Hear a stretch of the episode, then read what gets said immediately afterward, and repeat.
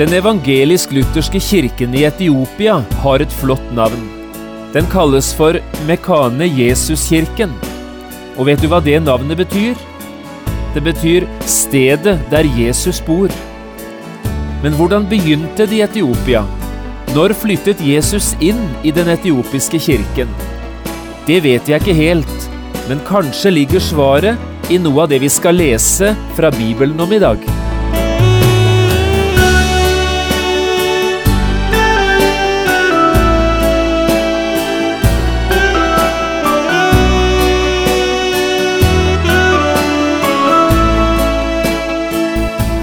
Hjertelig velkommen til et nytt program i serien Vindu mot livet.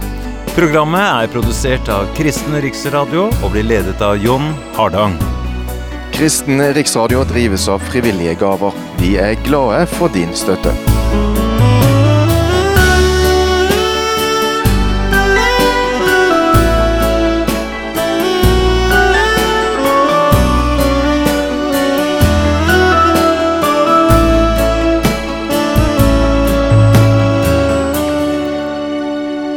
Vi fortsetter i dag denne bibelundervisningsserien som jeg har kalt Veien.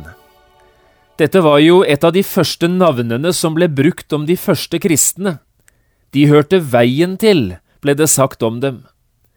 Med dette som utgangspunkt skal vi ta fram en del viktige sider ved det å være en kristen.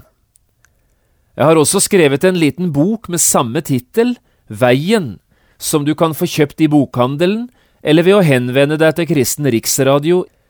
Vi skal nå lese en historie fra apostlenes gjerninger, om en mann som på sin måte virkelig fikk oppleve hva det er å gå denne veien. Vi leser fra apostlenes gjerninger i kapittel 8, vers 26 til 40. Jeg har kalt dagens program Veien til Etiopia. Men en Herrens engel talte til Philip og sa, Bryt opp og dra mot sør, på den vei som går ned fra Jerusalem til Gaza. Denne vei er øde. Philip brøt opp og dro av sted, og se en etiopisk hoffmann, en mektig embetsmann, som hadde tilsyn med skattkammeret hos den etiopiske dronning Kandake, var kommet til Jerusalem for å tilbe. Han var nå på hjemmevei og satt i sin vogn og leste profeten Jesaja.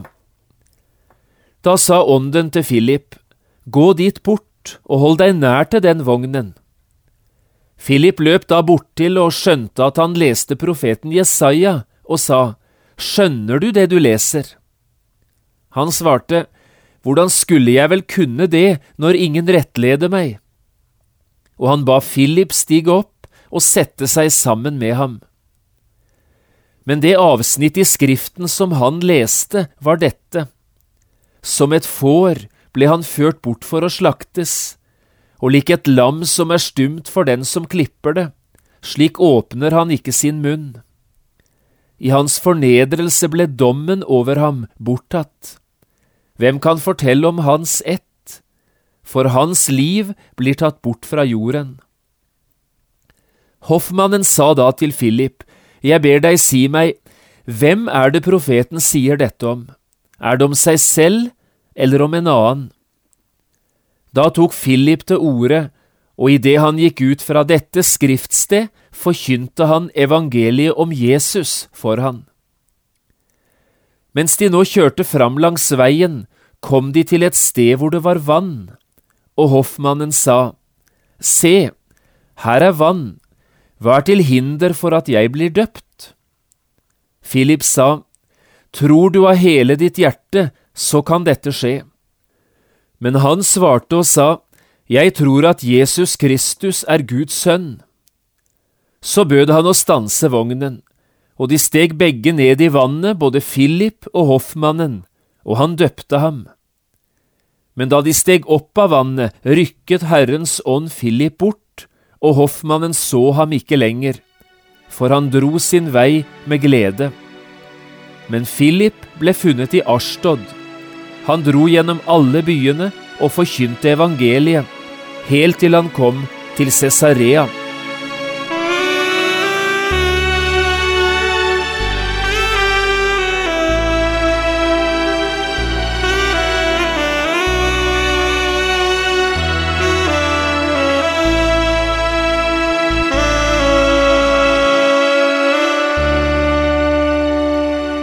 Den evangeliske lutherske kirken i Etiopia kalles for Mekane Jesuskirken. Det syns jeg er et flott navn, for vet du hva det betyr? Mekane Jesus betyr stedet der Jesus bor. Slik skulle alle kristne kirker være, et sted der Jesus bor. Av og til kan vi nok komme i tvil om det virkelig er slik, når vi ser alt det som vi er opptatt med både i kirker og bedehus. Men etter sitt innerste vesen er altså dette den kristne kirkes viktigste kjennetegn, stedet der Jesus bor. Men når flyttet Jesus inn i sin kristne kirke i Etiopia? Hvor gammel er den etiopiske kirken, og hvordan begynte det egentlig? Vi vet at Etiopia i dag er et av de landene i Afrika der vekkelsens ild virkelig har brent de siste tiårene. Tusener av mennesker i Etiopia har bare de siste årene fått møte Jesus og fått oppleve det nye livet som bare han kan gi. Men hvordan begynte det? Hvordan ble den kristne kirke i Etiopia grunnlagt? Jeg har ikke egentlig noe klart svar å gi på det spørsmålet, men litt av svaret er kanskje å finne i den beretningen vi nettopp leste sammen, fra apostelgjerningene åtte, historien om den etiopiske hoffmannen. Jeg hadde så lyst vi skulle se litt nærmere på den beretningen nå i dag. På en helt genial måte er også denne fortellingen med å kaste lys over hovedtemaet i denne serien – veien. For også her hørte vi om veien, og det på mer enn én måte. Nå skal du høre. Det er en utrolig lang vei fra Jerusalem til Etiopia. Faktisk mer enn 100 norske mil bare i luftlinje. Skulle vi prøve å sammenligne dette med norske forhold, ville det være som avstanden fra Kristiansand i sør til godt forbi Narvik i nord. Så det er ikke akkurat noen ettermiddagstur han er ute på, denne hoffmannen som vi her leste om. Han må virkelig ha vært et ivrig religiøst menneske. Det er ikke alle som ville reist så langt for å tilbe den Gud som de tror på. Det kunne sikkert vært mange ting å fortelle om denne veien, veien fra Jerusalem til Etiopia.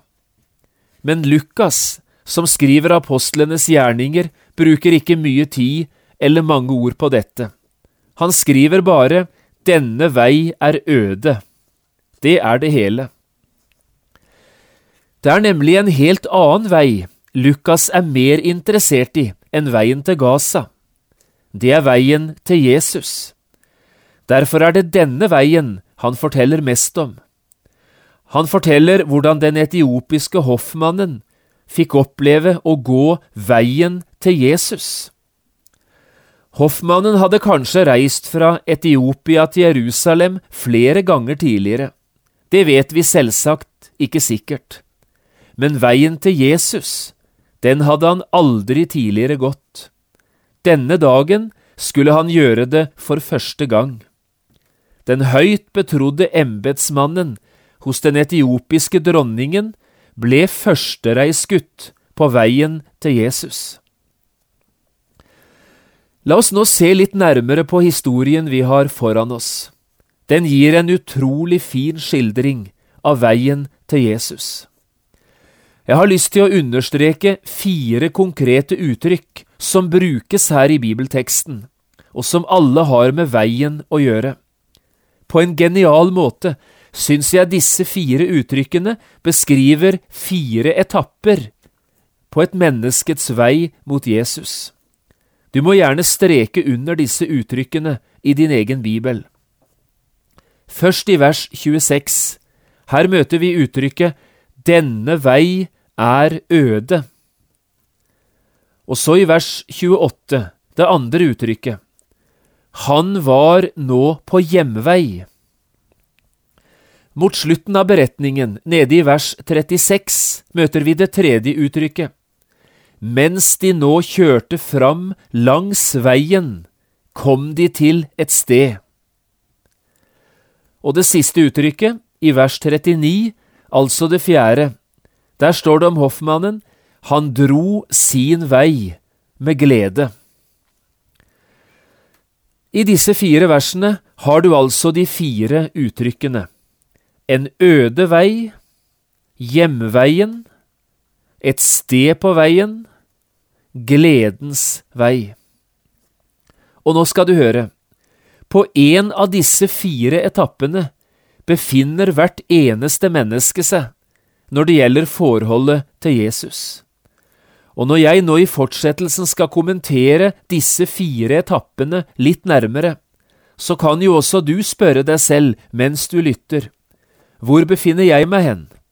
Hvor står jeg hen i mitt forhold til Jesus? Ja, for det er et utrolig viktig spørsmål å få klarhet i.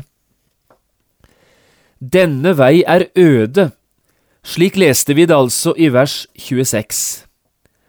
Nå vet jeg godt at den øde vei, slik den er beskrevet i dette verset, er geografisk og helt konkret å forstå. Veien fra Jerusalem til Gaza var øde.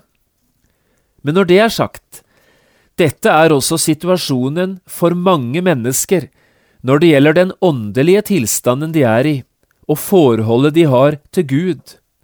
Denne vei er øde. La oss nevne litt om dette. Noen opplever at veien blir øde fordi de har møtt sterke, ødeleggende krefter i livet og på livsveien. Sterke krefter som forvandlet et godt liv, slik at i stedet ble tøft og vanskelig å leve. Det som var bygd opp, det en hadde knyttet så store forventninger til, alt sammen ble lagt i ruin. Noen ganger skjedde dette som et resultat av djevelens listige angrep. Fristelser, fall, nederlag, synd og svik, og som det kan ruinere et menneskeliv. Det skulle jo ikke overraske noen av oss egentlig at slike ting kan skje. Jesus selv sa det rett ut en gang. Tyven kommer bare for å stjele og myrde og ødelegge. Barn kan oppleve det. Unge mennesker kan sitte tilbake på restene av et liv før de er fylt 20. Manndom og alderdom kan oppleve det samme. Det er mange mennesker som også i dag opplever livet og livsveien slik. Denne vei er øde. Andre ganger er det ulike omstendigheter som synes å ruinere et menneskeliv. Alt raser sammen etter tragiske ting som skjer. Ulykker, sykdom, plutselige dødsfall, arbeidsledighet, skuffelser, sorg og smerte. Grunnene kan være så forskjellige. Livet farer ikke like lett med alle mennesker. Noen synes å få en langt større del av belastninger i livet enn andre, og noen syns å få en ekstra tung byrde å bære. Denne vei er øde. Jo, det er mange mennesker som også av slike grunner kan si akkurat på denne måten er mitt liv blitt. Denne vei er øde. Men hvordan passer hoffmannen inn i dette bildet? Han må vel ha vært et vellykket menneske på de fleste måter, og helt ukjent med de livsområdene som vi nettopp har beskrevet nå. Jo, tilsynelatende er han et vellykket menneske. Han var rik, betrodd og velsett, med stor makt og innflytelse i Etiopia. Han var et aktivt og bevisst religiøst menneske. Likevel kan det nok se ut som også hans livsvei har gått gjennom øde landskap. Han hadde flere spørsmål enn svar, og var det ikke nettopp hans indre uro, hans eget hjertes lengsler, som drev han av gårde helt opp til Jerusalem?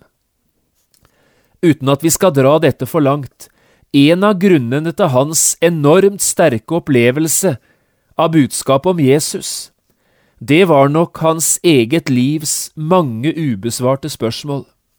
Her fant han endelig svaret som han hadde lett etter og lengtet etter i så lang tid. Her fant han endelig fred. Og nå skal du høre noe fint. Også over øde veistrekninger i livet hviler en himmel. Også over ditt ødelagte, opprevne, vanskelige liv er det et øye som ser, Guds øye. Det fikk den etiopiske hoffmannen oppleve, og det kan også du få erfare, du som synes å befinne deg i samme område som han. Det andre uttrykket er nemlig dette, han var nå på hjemvei. Også dette er selvsagt konkret og helt geografisk å forstå. Han hadde vært i Jerusalem, langt borte fra hjemlandet, men var nå på vei tilbake til Etiopia, altså på hjemvei. Men det skulle vise seg at han var på hjemvei også på en helt annen måte, og at han var mye nærmere hjemmet enn han selv var klar over. Hør bare her.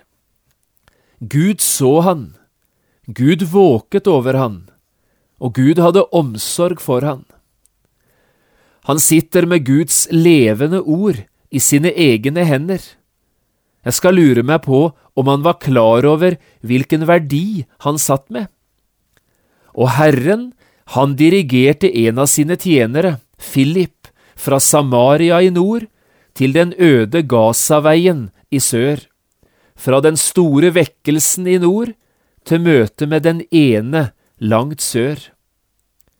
Og av alle ting så sitter den etiopiske hoffmannen og leser fra Jesajas bok og er kommet til midt i kapittel 53. Det er de klareste Messias-profetiene som finnes i hele Det gamle testamentet. Jo, hoffmannen var mye nærmere hjemmet enn han selv var klar over. Vi tror på mye som kristne, men vi tror ikke på tilfeldigheter og det var nok langt fra noen tilfeldighet at det som nå skjedde, skjedde akkurat på den måten det her gjorde. Nå er det mange ting vi kunne si om denne hoffmannens vei til Jesus, om hjemveien hans for å være i bildet. Mange ting som kan lære oss om hvordan det går til at et menneske blir frelst og finner fred med Gud. Jeg vil bare nevne to ting. For det første, han kom hjem da han fikk møte evangeliet om Jesus. Han leste det, og han hørte det, og så kom troen ved evangeliet.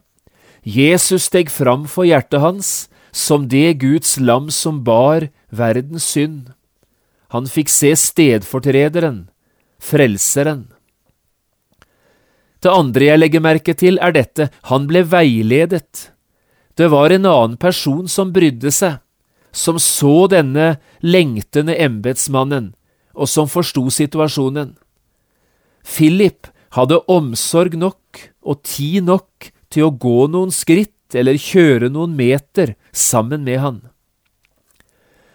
Og det er slik det foregår også i dag, om et menneske skal få oppleve at en øde vei blir til hjemveien.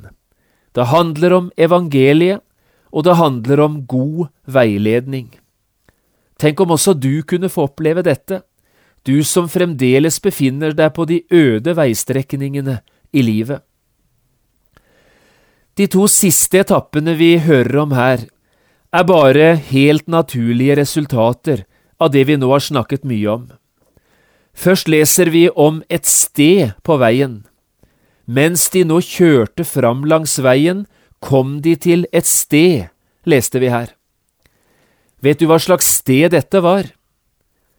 Dette var et avgjørelsens punkt, et beslutningens sted, et gyllent øyeblikk, da hoffmannen for sin egen del tok konsekvensen av det han nå hadde hørt og sett. Stedet på veien var hans måte å bekjenne på. Dette vil jeg ta til meg, dette vil jeg tro på, dette er for meg. Og når Philip døper hoffmannen til Jesu Kristi navn, uten noen videre dåpsopplæring ja, så er dette både Philips og Guds håndtrykk tilbake. Du skal være velkommen hjem. Har du kommet til et slikt sted på din livsvei? Har du opplevd dette gylne øyeblikket i ditt liv, da du sa til deg selv, og kanskje til andre, dette vil jeg virkelig tro på, dette vil jeg satse på, dette vil jeg ta på alvor? Kanskje dette programmet i dag, kanskje øyeblikket nå her ved radioen, skulle være et slikt sted på veien også for deg, der du sa til deg selv, nå eller aldri, fra i dag vil jeg høre Jesus til. Og hvis du ikke har noen andre å fortelle det til, ja, så skriv det til meg her i Kristen Riksradio. Så kanskje jeg kunne få være en slags Philip også inn i ditt liv, og få hjelpe deg litt i gang med den nye veien og det nye livet. Han dro sin vei med glede, sto det til slutt om denne hoffmannen. Det var godt at ikke gleden ble liggende igjen. Det var godt han slapp å dra videre alene. Han dro sin vei med glede. Og sammen med gleden hadde han også nå følge av Gud selv, Far i himmelen som fortsatt våket over han, Jesus som har lovet å være med sine alle dager inn til verdens ende, og Den hellige ånd som nettopp hadde flyttet inn i et nytt hjerte og gjort det til sitt tempel. Slik ble kanskje hoffmannen det første medlemmet i Mekane Jesuskirken. Han ble stedet der Jesus bor. Det ble selvsagt fort hverdag igjen, også for hoffmannen. Om Philip står det, Herrens ånd rykket Philip bort, og på et øyeblikk var han i Ashtod, helt ute ved havet. Philip Airlines kalte en pinsevenn-evangelist det som her skjedde. Hoffmannen kunne sikkert også ha ønsket seg en slik reisemåte hjem til Etiopia, i stedet for vogn og skip, men for han ble det fortsatt hverdag. Og likevel, for hoffmannen skulle det bli en ny og helt annerledes hverdag enn han noen gang tidligere hadde opplevd. Det skulle bli en hverdag fylt av fred og glede. Han var jo kommet inn på veien til Jesus.